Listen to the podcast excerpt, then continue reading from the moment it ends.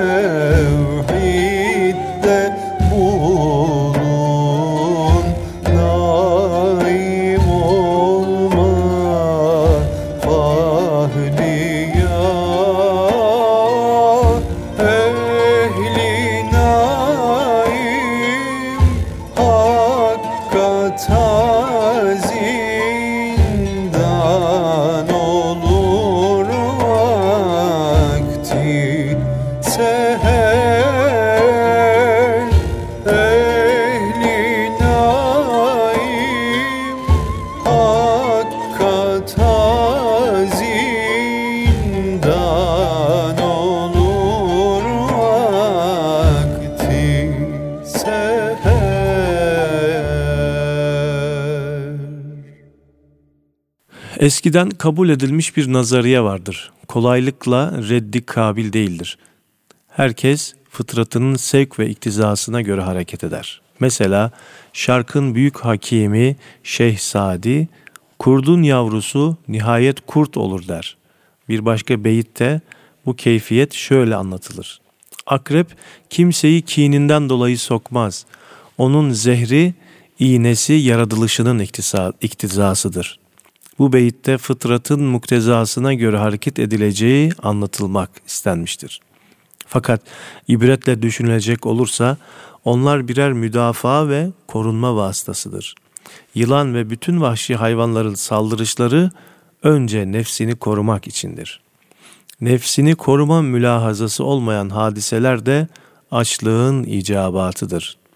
Hayvan hiçbir zaman insan şeklindeki hayvan kadar zararlı olmamıştır. Çünkü insanda akıl vardır. Hayvan ise garize yani sevki tabi ile hayatını idare eder. İyiyi kötüyü ayırt edecek cevher olan aklın sahibi kötülük yaparsa elbette hayvandan daha aşağı bir dereceye düşer. Kur'an-ı Kerim'de insanoğlu başıboş bırakılacağını mı zannediyor? Mealindeki ayeti kerimede sorumluluk mefhumunu sorumluluk mefhumu mün demiştir. Ayrıca Allah yaptığından kimseye karşı sorumlu değildir. Halbuki siz bütün tekliflerden sorumlusunuz buyurulmaktadır ki insanların aklen olduğu kadar dinen de efalinden sorumlu olduğu iyice anlaşılmış oluyor. Şimdi biz bize emanet olan nefsimize karşı sorumluluğumuzu anladıktan sonra daha başka kimlere karşı sorumluyuz? Şöyle bir düşünelim. Kendimizden sonra sorumluluk ailemizle başlar.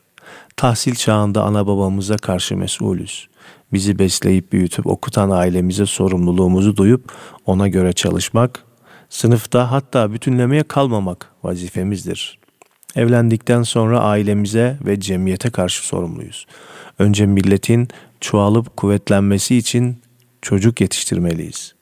Bunların bakım ve giyim işlerinden de devlet aileye yardımcı ol- olacaktır. Devlet ailelere lakayt kalamaz. Devletin hükümet olarak ilk vazifesi aile ilgisiyle başlar ve milletin tekmil ailelerinin müşterek ihtiyaçlarını göz önünde tutarak kanunları hazırlar. Fakat milletin efradından kuvvetli teşekkürlerin, hususi sektörlerin cemiyetle ilgisi, ilgisi hemen hemen devlet kadardır. Çünkü o teşekkürlerin bütün güçleri milletin efradından alınmıştır. Devlete vergi vermesi nasıl bir zaruretse millete şükür vecibesini ödemesi öylece zarurettir. Hususi sektör yani özel sektör dediğimiz millete karşı şükür borcunu nasıl ödeyecektir? Devletin henüz ulaşamadığı meselelerde halka yardımcı olacak ve müesseseler kuracaktır. Bunun için önce çalıştırdığı işçilerinden ve bulunduğu yerin civarındaki insanlardan, ihtiyaç sahiplerinden başlayacaktır. Hastane, yuva, düşkünler için evler, aşevleri, çevreyi ağaçlandırma, okullardaki fakir öğrencilere yardım gibi e, özel sektörün yine vazifeler arasında geliyor bunlarla ilgilenmek. Sorumluluk cemiyet hayatının hemen her safhasında kendini göstermeli. Mahalle muhtarı seçiminde belediye meclis azası seçerken veya milletvekili seçimlerinde seçim işleriyle alakadar olup rey kullanmayacak olursak düzgün gitmemiş cemiyet işlerinden dolayı milli vicdana, hakka ve nefsimize karşı da sorumlu olduğumuz gibi haksızlıklardan da kimseye şikayete hakkımız yoktur. Efendim şimdi yine güzel bir eser dinleyelim ve diğer hak ve vazifelerimize, sorumluluklarımıza dinlemeye devam edelim.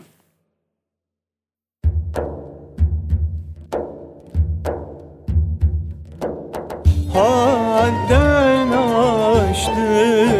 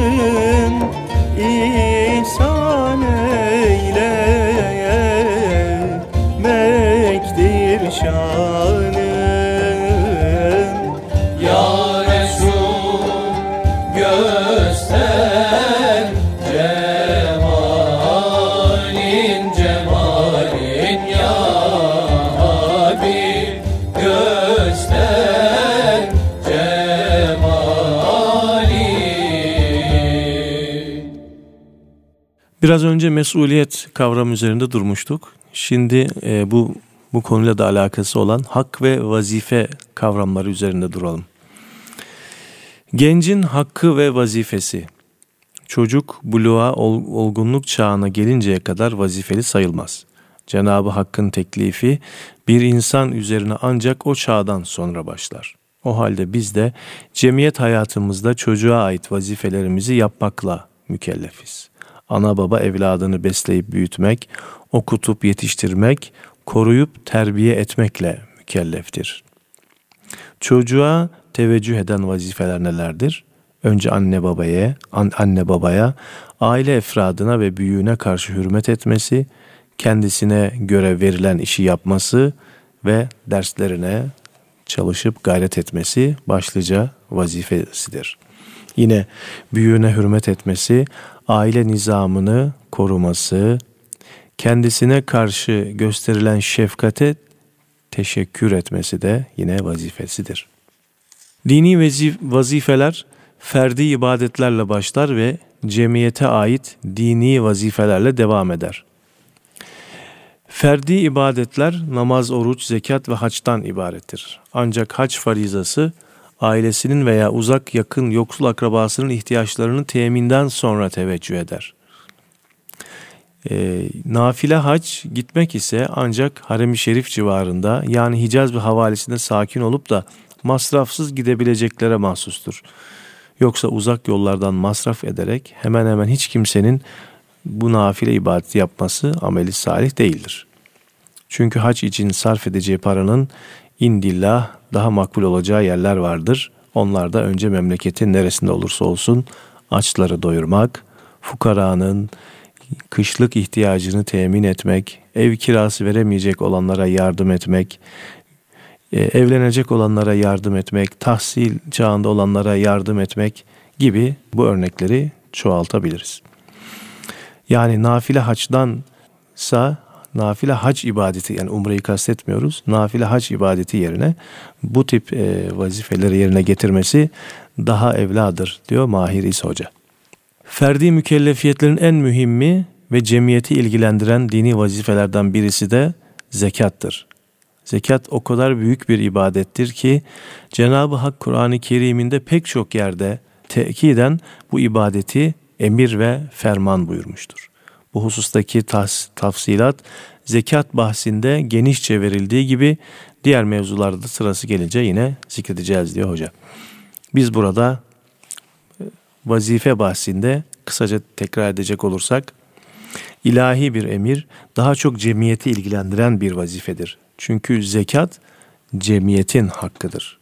Bir kimse bu ibadeti yaparken Cenab-ı Hak indinde en iyi şekilde hüsni kabul ile mazhar olmasını ve ibadetin en parlak derecesine vasıl olmayı ebrar ümmet arasına girmesini isterse havelan havl denilen şey yani kazanılan paranın üzerinden bir sene geçmesini beklemeden zekatını vermelidir. Bu borcun erken eda edilmesi insanı büyük bir huzura kavuşturur. Her ne kadar farzın tahakkuku için ulemamız malın üzerinden bir sene geçmesini uygun görmüşse de bu bir ruhsat meselesidir. Yani müsa müsaadedir. Eğer e, daha önce de vermek isterse bunu verebilir. Efendim şimdi yine güzel bir eser dinleyerek programımıza ve sohbetimize devam edeceğiz inşallah. Evet,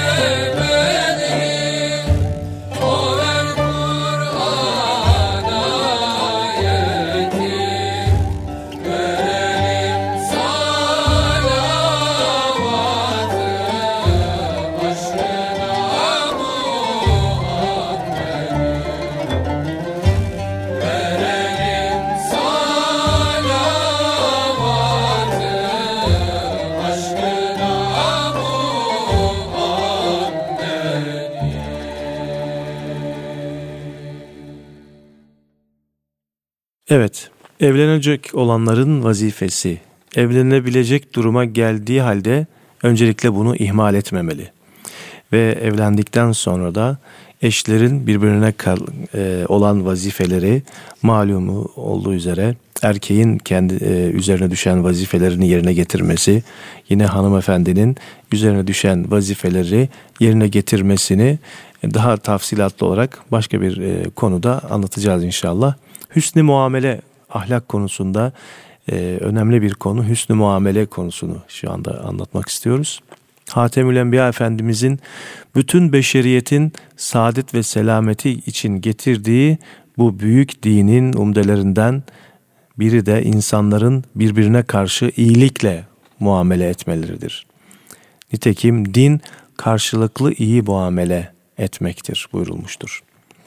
Avrupa'ya ve medeni aleme gidenlerin gıpta ile bahsettikleri yabancıların muaşeret yani toplu yaşama hususunda yerleşmiş adetleri hep dinin bu temel kaidesinden alınarak hayata tatbik edilmiştir. Hüsnü muamele yani insanlar arasında iyi geçinmeler önce doğrulukla başlar. İnsanlar birbirine karşı hiçbir hususta yalan söylemezse bir kere karşısındakine emniyet ve neticede hürmet ve muhabbet telkin ve temin eder. Doğruluk hüsnü muamelenin iyi davranışın temelidir. İyi davranacağım, karşındakini memnun edeceğim derken insan riyaya e, ve çıkar ilişkilerine e, de gir, girmeye kalkmamalıdır. Yani iyi davranacağım derken de bunu abartmamalıdır. Hüsnü muamele her işte herkese güler yüzle kolaylık göstermektir. Bununla cemiyet ne kazanır? İnsanın birbirini sevmesi önce iyi davranıştan başlar. Yol soran bir adama bildiği halde bilmiyorum demek cemiyetin nizamını bozar. Bu iptidai ve insanlık dışı bir yalandır. Vicdanı, vicdanı olan ızdırap içinde bırakır. Vicdanı olanı ızdırap içinde bırakır. Bu soruya lakayt kalanlar ise insanlar arasında yaşama kabiliyeti olmayan kimselerdir. Cemiyetten bu kadar uzak bir adamın dağ başında yalnız yaşaması zaruridir. Bu adam kendisinden başkasını düşünmeyen kimse demektir. Mutlaka aynı hal kendisinin de başına gelecek ve o zaman bu halden öfkelenecektir. Fakat kendisinin daha evvel aynı hareketi yaptığını unutacaktır.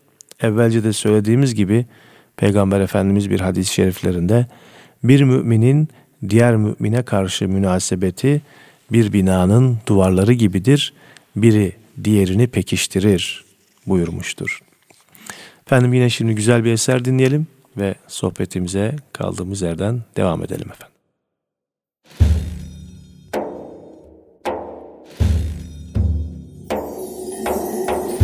İlham ile dün gece Seyrettim Muhammed'i.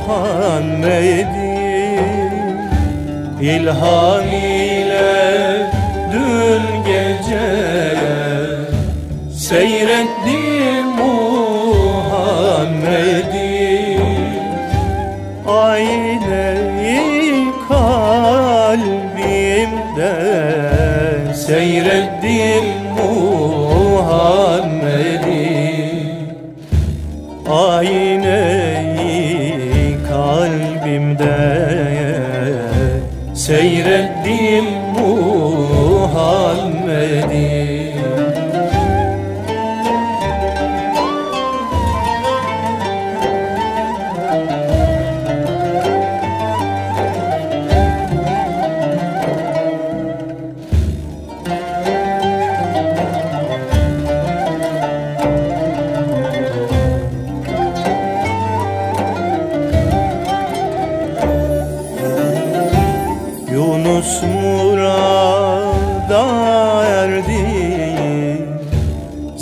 İle sarfa sürdü. Yunus murada erdi. Zevk ile sarfa sürdü. Aşık maşukun buldu. Seyrettim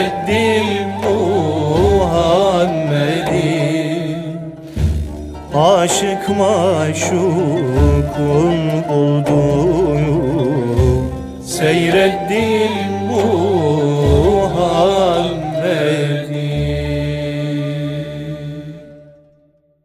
1300 küsür sene evvel Emevi halifelerinden Ömer İbni Abdülaziz'in hutbelerin sonunda irad ettiği ayeti kerime, bütün İslam aleminde bugüne kadar bir bid'ati hase- hasene olarak devam edip gelmektedir. Allah adaleti, iyilik yapmayı ve akrabaya yardım etmeyi emreder. Hayasızlığı, her türlü fenalığı, kötülüğü ve emirlerine karşı gelmekten sizleri sakındırır, düşünüp tutasınız diye sizlere öğüt verir. İşte bu ayeti kerime hala Arap memleketlerin dışında da aynen okunarak bir dua mahiyetinde iktisap etmiştir. Dinleyenlerin yüzde doksanı manasını anlamaz. Bunun manasını söylemek kimsenin hatırına gelmez. E, Tabi hocamız bu kitabı yazdığında böyle bir manası verilmiyordu muhtemelen. Fakat şu anda camilerimizde bu ayeti kerimelerin, ayeti kerimenin yani inna Allaha ye'muru bil adli vel ihsani ve ita'i kurba diye başlayan ayeti kerimenin artık manası veriliyor. Ve dolayısıyla da insanlarımız her cuma hutbesini dinledikten sonra bu ayet-i kerimenin manasını yani Allah adaleti, iyilik yapmayı ve akrabaya yardım etmeyi emrediyor. Hayasızlığı, fenalığı ve azgınlığı yasaklıyor. Tutasınız diye sizlere öğüt veriyor ayeti kerimesini mealen dinlemiş oluyorlar. İşte bu ayeti kerime içtimai din hayatının temelidir. Hz. Ali bu ayeti kerimenin izahı sadedinde adalet mülkün temelidir buyurmuştur. Yani bir mülkün devam ve bekası ancak adaletle mümkündür. Milli bir toplulukta ahengin bozulması, zulmün artmasıyla mütenasiptir. Adaletsizlik ne kadar çoğalsa fesat o kadar çok artar. Onun için Allah Celle Celaluhu adaleti emrediyor. Kutsi bir hadis-i şerifte de ben zulmü kendime haram kıldım. Siz de aranızda asla zulmetmeyiniz. Pek dikkatli olunuz. Sakın birbirinize zulmetmeyiniz buyurularak halk adalete sevk ve teşvik edilmiştir. İnsanlar arasında iki şey zulmü vücuda getirir. Biri menfaat, diğeri ihtiras. Nefsin bu iki tehlikeden korunması adaletin tecellisine yardım eder. Bizim bu bahsimizin mevzuu ihsan olduğundan bu herkesçe bilinen içtimai ve hayati adalet temel prensibini e, yine burada kısa keserek ihsan ve ibadet konusuna geçelim. Ama öncelikle yine güzel bir ilahi dinleyelim. Semadan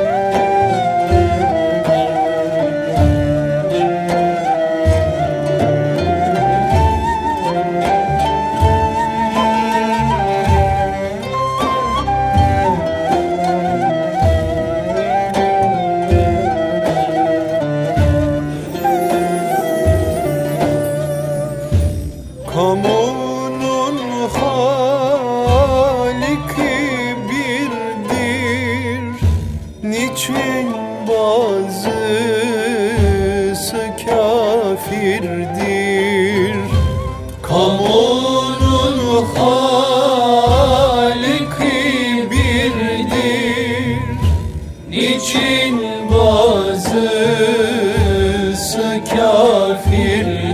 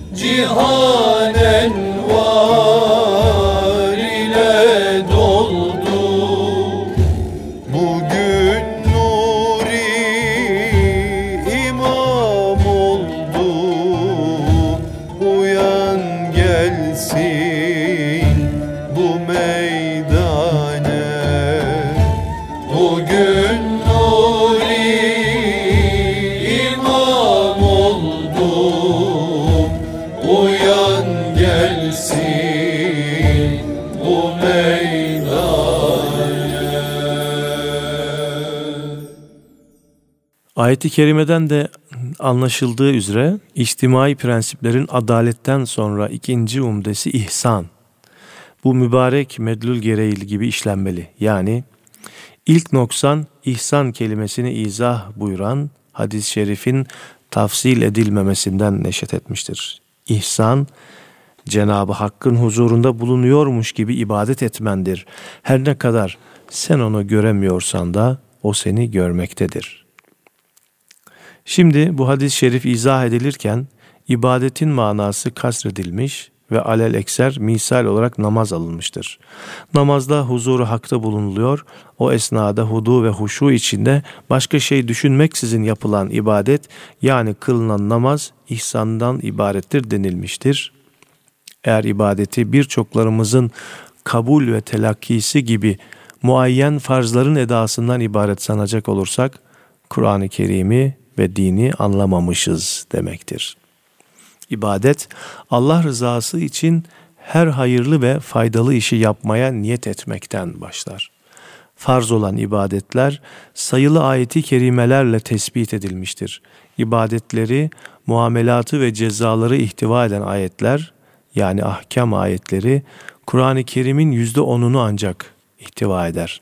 Onun dışında insanların salahına, hayrına, iyiliğine ve menfaatine taluk eden irşat ve tenbih mahiyetindeki hükümler ve ibret alıp aklı başında olanları düşündürecek yüzlerce ayeti kerime vardır. İşte ihsan bunlardan biridir. Kökü ve kökü itibariyle bu mübarek kelimenin Kur'an-ı Kerim'de 200'e yakın yerde muhtelif içtimai meselelere temas ederek zikri geçer. Allah Celle Celaluhu bu mefhumla insan münasebetlerinin hayır, iyilik ve güzellik üzerinde kurulup temel tutması için emrediyor. İşte adaletten sonra bu emri hakkıyla yerine getiren kimseler Halik-i Azam'a karşı kulluk vazifelerini ifa etmiş olurlar. Efendim yine güzel bir eser dinliyoruz ve programımıza devam ediyoruz. Ey vahidü ferdü samet Senden medet, senden medet. Ey vahidü ferdü samet Senden medet, senden medet. Eylem yekun küfüen ahad Senden medet, senden medet. Eylem yekun küfüen ahad Senden medet, senden medet. Estağfirullah el azim. Ya Resul ol sen rehberim. Estağfirullah el azim. Ya Resul ol sen rehberim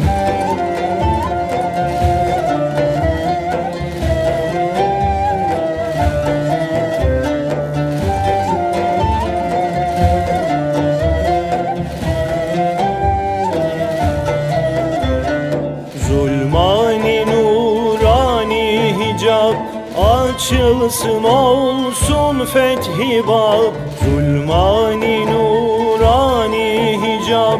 Açılsın olsun fethi bab Refet cemalinden nikab.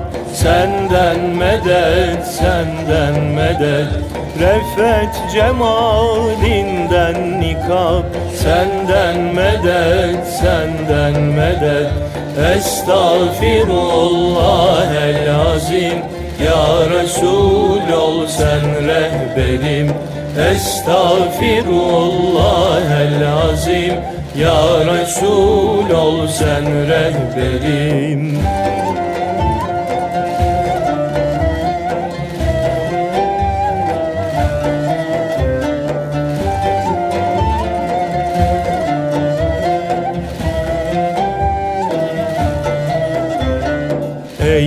katreyi umman eden Ey lütfeyi insan eden. Ey katreyi umman eden Ey lütfeyi insan eden.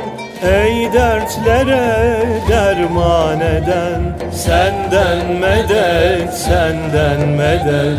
Ey dertlere derman eden Senden medet, senden medet.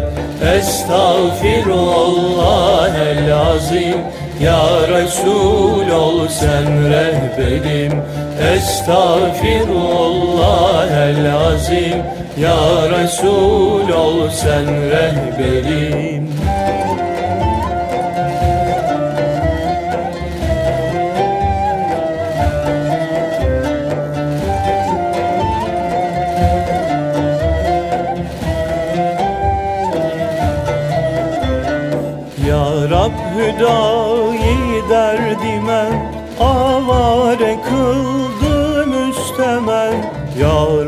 hüdayi derdime avare kıldı müstemen Vaslından olsun behremen Senden medet, senden medet. Vaslından olsun behremen Senden medet, senden medet. Estağfirullah el azim Ya Resul ol sen rehberim Estağfirullah el azim Ya Resul ol sen rehberim Evet değerli dostlar, Erkam Radyo'dayız ve İlahi Nefesler programımızda yine sizlerle birlikteyiz. Başkasına bir ferde veya bir cemaate ilk hitap selamdır. Önce selam, sonra kelam derler. Peki selamın manası nedir? Bir selamda iki hüküm vardır. biri benden size zarar gelmez demektir. Ki bu emniyet itimat ve muhabbetle ve muhabbete vesiledir. İkinci hüküm temenni ve duadır ki size başkasından da zarar gelmesin demektir. Bu suretle söz kapısı emniyetle açılır ve karşılıklı kalp kuvveti hasıl olur. Selamda ameli salihin ne surette tecelli edeceğini izahtan evvel selamın mahiyeti üzerinde duralım. Efendimiz hadis-i şeriflerinde şöyle buyurur. Selam vermek mergub ve makbul bir amel, selamı iade etmek ise vacip bir borçtur. Acaba neden reddi selam yani selamı karşılamak daha emmi ehemmiyetli görülmüştür? Çünkü vahiy ilahi ile insanlara insanlara tebliğe memur olan Efendimiz Aleyhisselatü Vesselam tabiatıyla en büyük ruh, ruha, ruhiyatçıydı. Verilen selam alınmazsa en hafifinden kalp kırılır. Muhatabın aldığı terbiyeye göre münakaşa, mücadele ve dövüşmeye kadar yol açacak fitneye sebep olur. İşte bunu önlemek için verilen selamı almak vaciptir. İslam'da selamlaşmak din sosyolojisinin ve psikolojisinin temeli ve ana hattıdır. Bir toplulukta ikinci şahısla veya bir cemaatle ilk münasebet selamla olur. Gönül almanın ilk ve tabii adımı olmak dolayısıyla da ahvali ruh ilminin temel prensibi adlı olunur. Efendim yine güzel bir eser dinleyelim. Ondan sonra selam konusuna da devam edeceğiz inşallah.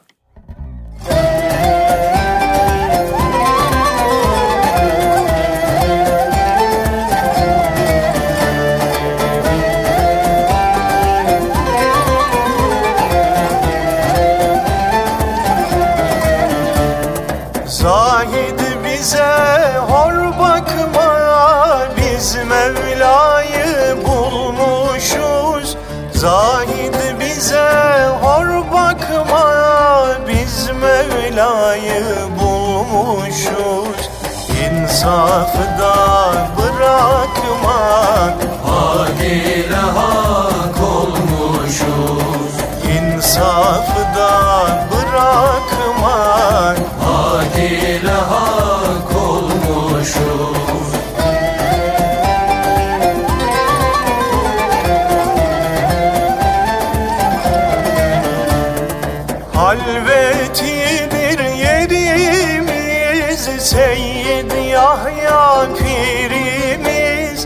Halvetidir yerimiz Seyyid Yahya pirimiz. Bine bedel birimiz. Hak ile hak olmuşuz. Bine bedel birimiz. Hak ile hak olmuşuz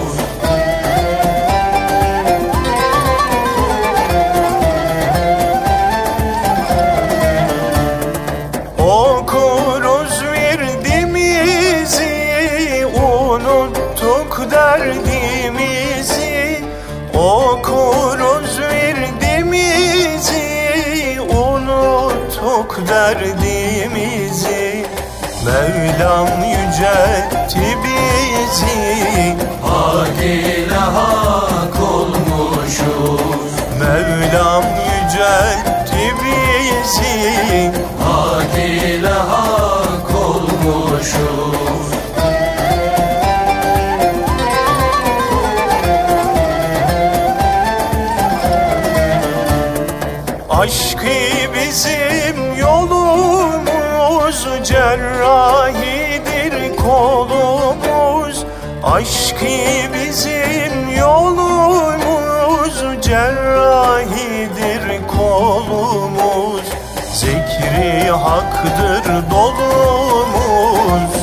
Hak ile hak olmuşuz. Zikri haktır dolumuz Hak ile hak olmuşuz.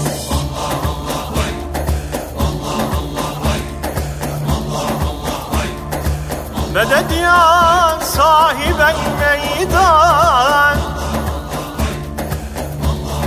Lebin vasfından sultanım dehan aşık Zeban aşık.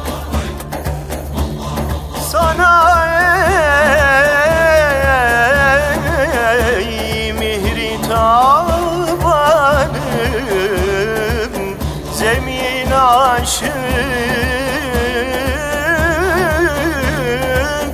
Zaman aşık. Vücud aleme bahis vücudun oldu zahir. Minel evvel ilel ahir Sana kevnü mekan aşık. Medet ya?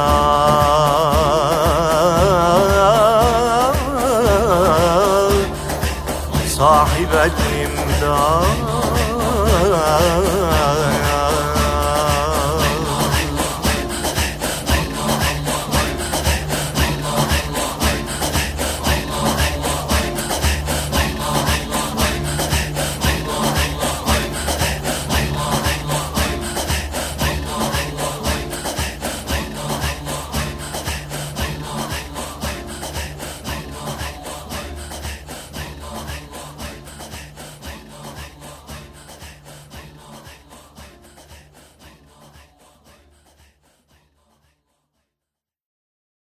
Selam bir toplulukta aşinalık vesilesidir. Tanışma onunla başlar. Maksat fertler arasındaki yakınlığı temin etmektir. İki Müslüman birbirini gördüğü zaman dinleri, milliyetleri ayrı iki yabancı gibi karşılıklı lakayt kalmasınlar diyedir. Hadis-i şerifte müminler bir evin duvarı gibidir. Birbirlerini takviye ederler. Ayakta durmalarına vesile olurlar buyurulmuştur maddi manevi yapılacak bu takviye ile binayı İslam her türlü sıkıntıdan kurtulur.